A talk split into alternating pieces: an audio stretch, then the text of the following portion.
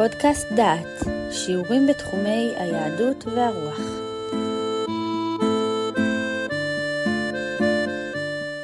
ברוכים הבאים לפודקאסט דעת, לקורס חוק, מוסר ומלחמה. עכשיו אנחנו צריכים להגדיר מהו טרור. מצאתי הגדרה של סגן אלוף בועז נתן במערכות שזה כתב עת של צה"ל. והוא מגדיר כך: טרור הוא רצח מכוון שמנהלים ארגון או מדינה באופן מחושב על פי אסטרטגיה שהתוו ובהתאם לאידיאולוגיה שאימצו. ועכשיו נראה כיצד ההלכה המוסלמית מתייחסת לטרור וכיצד היא מעודדת אותו. יש שייח', אחד מגדולי הפוסקים בעולם המוסלמי, שייח' יוסף אל-קרדאווי, והוא דרש דרשה במרץ 1996. בדרשה הוא קבע שטרור המתאבדים שהפעילה תנועת החמאס בירושלים, באשקלון ובתל אביב באותה שנה, טרור שקטל עשרות ישראלים, הטרור הזה הוא ג'יהאד למען אללה. לדבריו, המתאבדים נהרגו כדי להגן על האדמה ועל הכבוד נגד הישראלים שגזלו את פלסטין, ולפיכך הם אינם מתאבדים, אלא שהידים. שייח' אל-קרדאווי הוסיף ופרסם עוד פסקי הלכה המחייבות את המוסלמים לבצע פיגועי הקרבה. גישתו מאפיינת כיום את הקו הדומיננטי בקרב פוסקי ההלכה המוסלמים. רוב הממסד הדתי המתון יותר נאלץ לשנות את עמדתו מהתנגדות מוחלטת לתמיכה מסויגת. קרדאווי טוען שהפעולות האלה הן לגיטימיות גם אם הקורבנות הם אזרחים. שכן החברה הישראלית היא בעלת אופי מיליטריסטי. גברים ונשים משרתים בצבא ויכולים להיקרא לשירות צבאי בכל עת. לעומת זאת, אם ילדים או זקנים נפגעים בפעולות ההקרבה, הרי שהדבר לא נגרם במתכוון, אבל הוא תואם את עיקרון המידתיות. ההכרח מצדיק את המעשה. אם כן, יש לנו כאן הגדרה של טרור שהוא מוגדר כפעולת ג'יהאד ואין בזה התאבדות. ועכשיו דברים של יושב ראש הרשות הפלסטינית, אבו מאזן, ב-1983. הוא כותב, כל הפעילויות הצבאיות צריכות לפגוע במרכזי האוכלוסייה כדי לגרום לנזק המרבי ליריב באמצעות פגיעה בערך היקר לו מכל. הפעילות הזאת תמחה את הביטחון של המתנחלים ותשתול ספקות במוחותיהם בנוגע לעתיד. חובתו הראשונה והאחרונה של כל רובה פלסטיני הוא לפנות לעבר האדמה הכבושה, לעבר בני האנוש, לעבר בני האנוש, לעבר בני האנוש. נתנו הגדרות כלליות לטרור לפי הגישה המוסלמית, לפי ניתוחים ישראליים. אנחנו עכשיו חוזרים לשני הוגי הדעות שהם מייצגים את התפיסה של האחריות של המדינה לאזרחיה. עכשיו אני נותן הגדרה של טרור לפי הגישה של כשר וידלין. וכך הם מגדירים טרור. אחד מרכיבי ההגדרה של טרור הוא טרור הוא פעולה אלימה שמטרתה לפגוע בבני אדם, לוחמים ואזרחים כאחד. שימו לב, לוחמים ואזרחים כאחד. זו מטרת הטרור ואלה הם יעדי ההתקפה שלהם. המילים האלה, לוחמים ואזרחים כאחד, מעוררים תגובה של וולצר ומרגלית, שאמרתי קודם, שהם הזוג המתנגד להגדרות של כשר וידלין. וזוהי התגובה של וולצר ומרגלית. הם כותבים כך: חוסר ההבחנה בין אזרחים ללוחמים עובר כחוט השני בטענותיהם של כשר וידלין. בהקשר של הגדרת הטרור ראוי לציין כי הגדרה שאינה מבחינה בין פגיעה בלוחמים לפגיעה באזרחים היא בעייתית מכמה סיבות. אם כן, וולצר ומרגלית רוצים קודם כל לתת הבחנה חריפה בין פגיעה בלוחמים לפגיעה באזרחים. עכשיו אנחנו נכנסים לאחת מנקודות המחלוקת בין כשר ידלין לבין וולצר מרגלית. מה מעמדם של אזרחים בכל תהליך הלחימה? כותבים וולצר ומרגלית הגדרה של טרור המתמקדת בפגיעה באזרחים היא תמריץ לטרוריסטים בפוטנציאל לפעול נגד כוחות מזוינים של המדינה ולא נגד אזרחים. אם עיקר רצוננו הוא להגן על אזרחים תמימים, ראוי לייצר תמריץ שכזה. זאת אומרת, אם אנחנו מדברים על טרור שהוא נגד אזרחים, אנחנו נעודד אותם לפגוע בחיילים. שנית, יסוד של פגיעה באזרחים מאפיין את הטרור בתור תופעה לא חוקית ולא מוסרית באופן מוחלט. ואילו הגדרה הכוללת של פגיעה בלוחמים מכניסה לדיון המשפטי שאלות הנוגעות להצדקה של פגיעה במטרות צבאיות, למשל במסגרת מאבק לשחרור לאומי.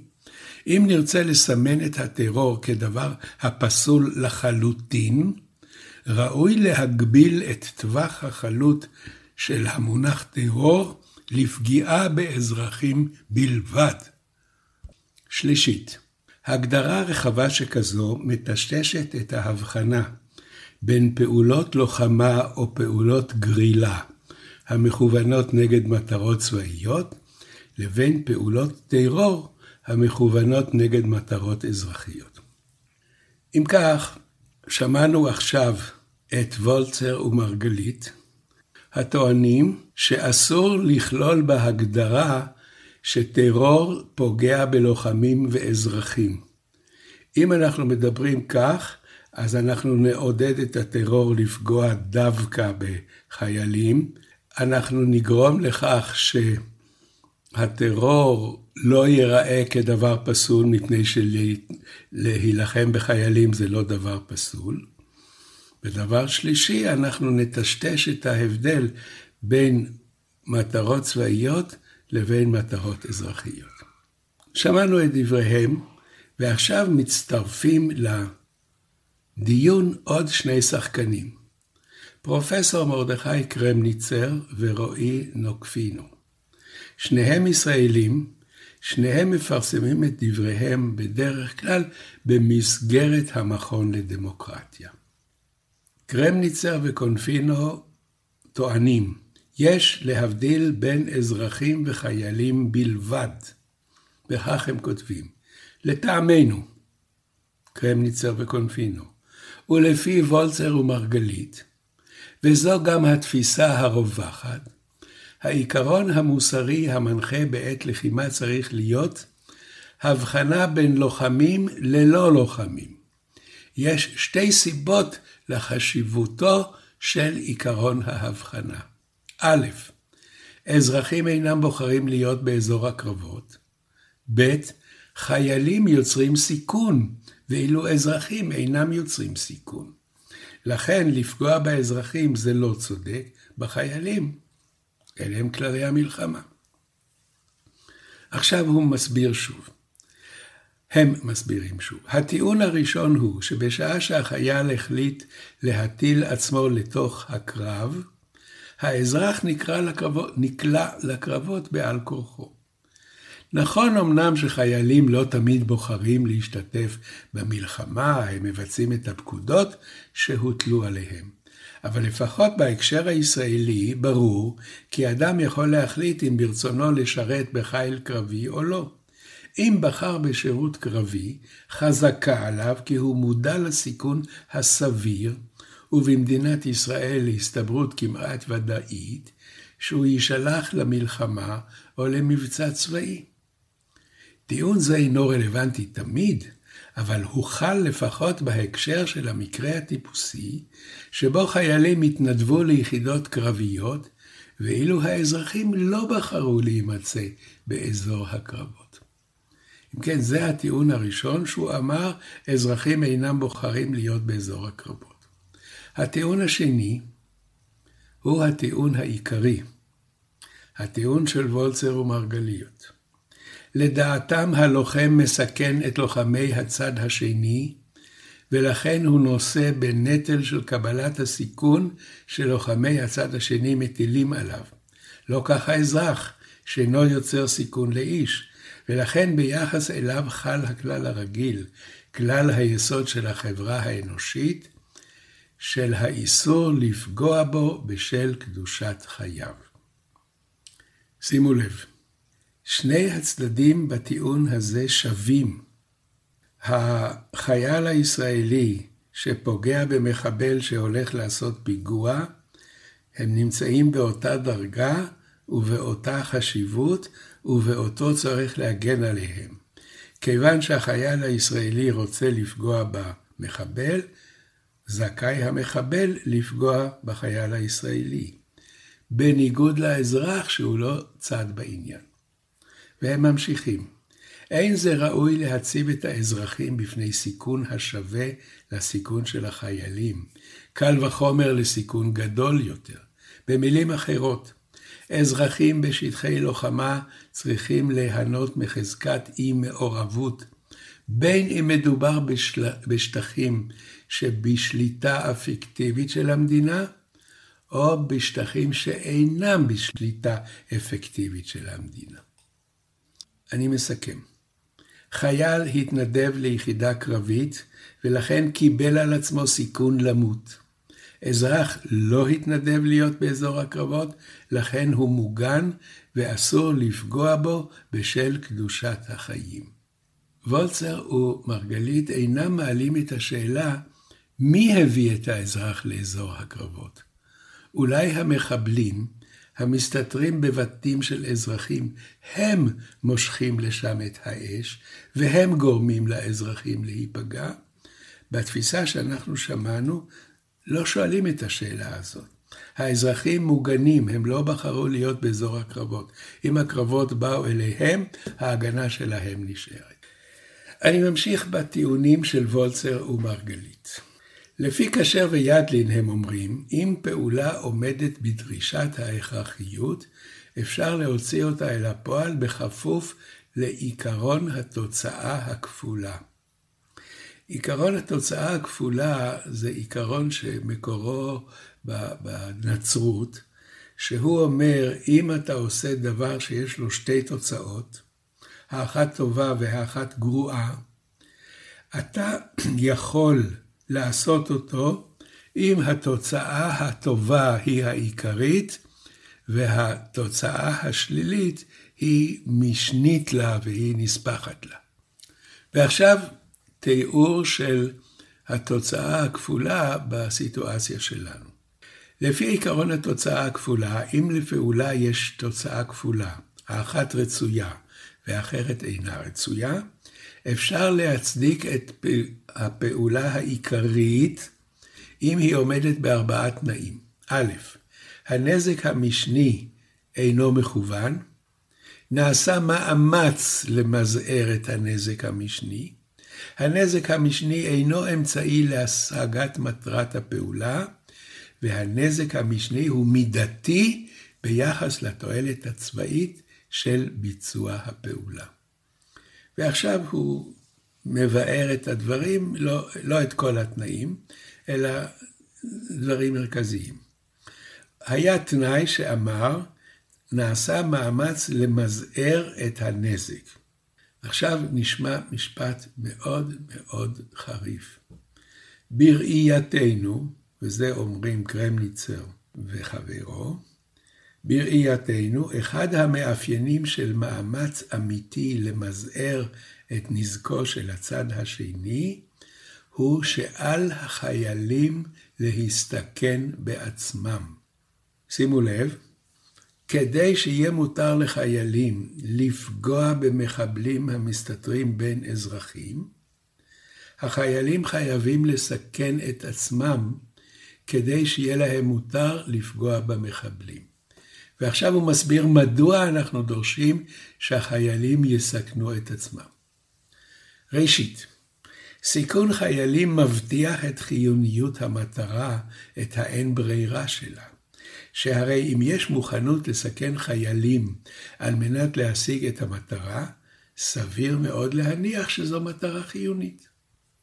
שנית, פעולה המסכנת את חיילינו היא פעולה במסגרת המגבלות המוסריות הרלוונטיות, כיוון שהמחיר החשוב היחיד הוא מחיר חייהם של חיילינו.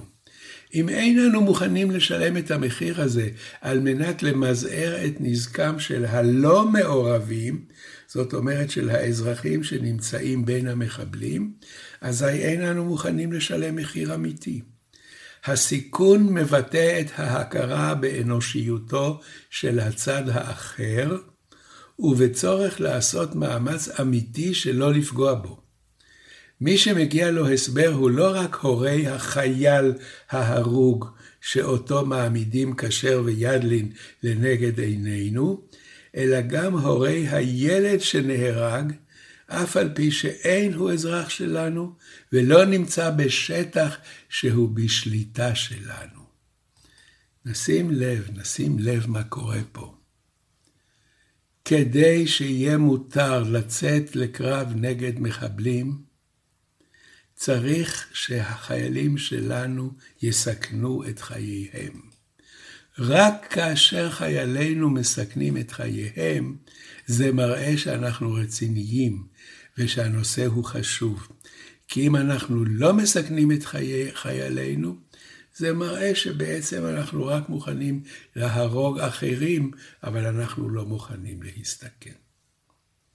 ועכשיו הם בודקים תנאי אחר.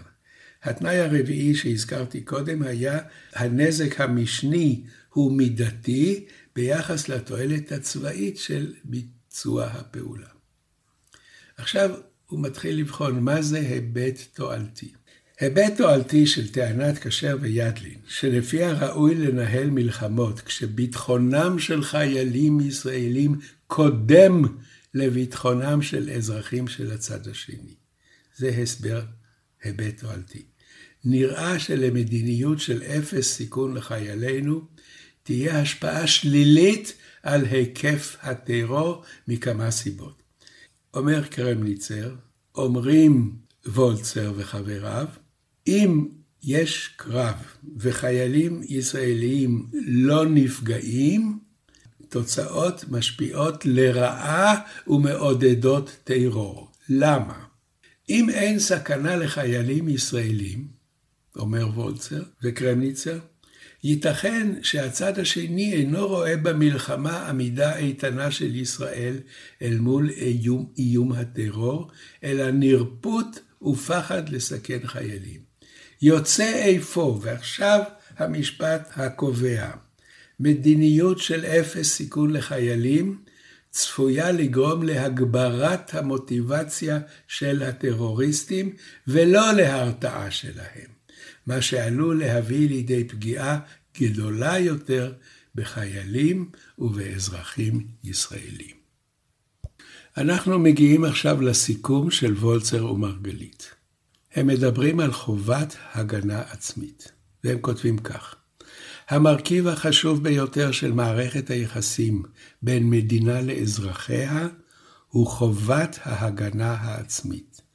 חובה עליונה של כל מדינה דמוקרטית מתוקנת היא להגן היטב על אזרחיה, וכן על כל מי שנמצא בתחום שליטתה, מפני כל סכנה הנשקפת לחייהם, לבריאותם, לשלומם ולאורח החיים התקין שלהם מפעולות אלימות, הן בטווח הקצר והן בטווח הארוך. בהיותה מדינה דמוקרטית, עליה למלא את החובה הזאת תוך שמירה נאותה על כבודו של כל אדם באשר הוא אדם. תשימו לב, שמירת כבודו של כל אדם, החיילים שלנו אינם עדיפים על אזרחי האויב ועל הצד השני, וצריך גם כן שחיילים ייפגעו כדי להראות שחשוב לנו לשמור על המדינה. השיחה הבאה, אנחנו נדון בשאלה מהי מלחמה צודקת. ובשיחה הבאה נשמע באופן יותר נחרץ את עמדתם של קרמניצר וקונפינו לגבי מעמדם של בלתי לוחמים הנמצאים בין חיילי האויב.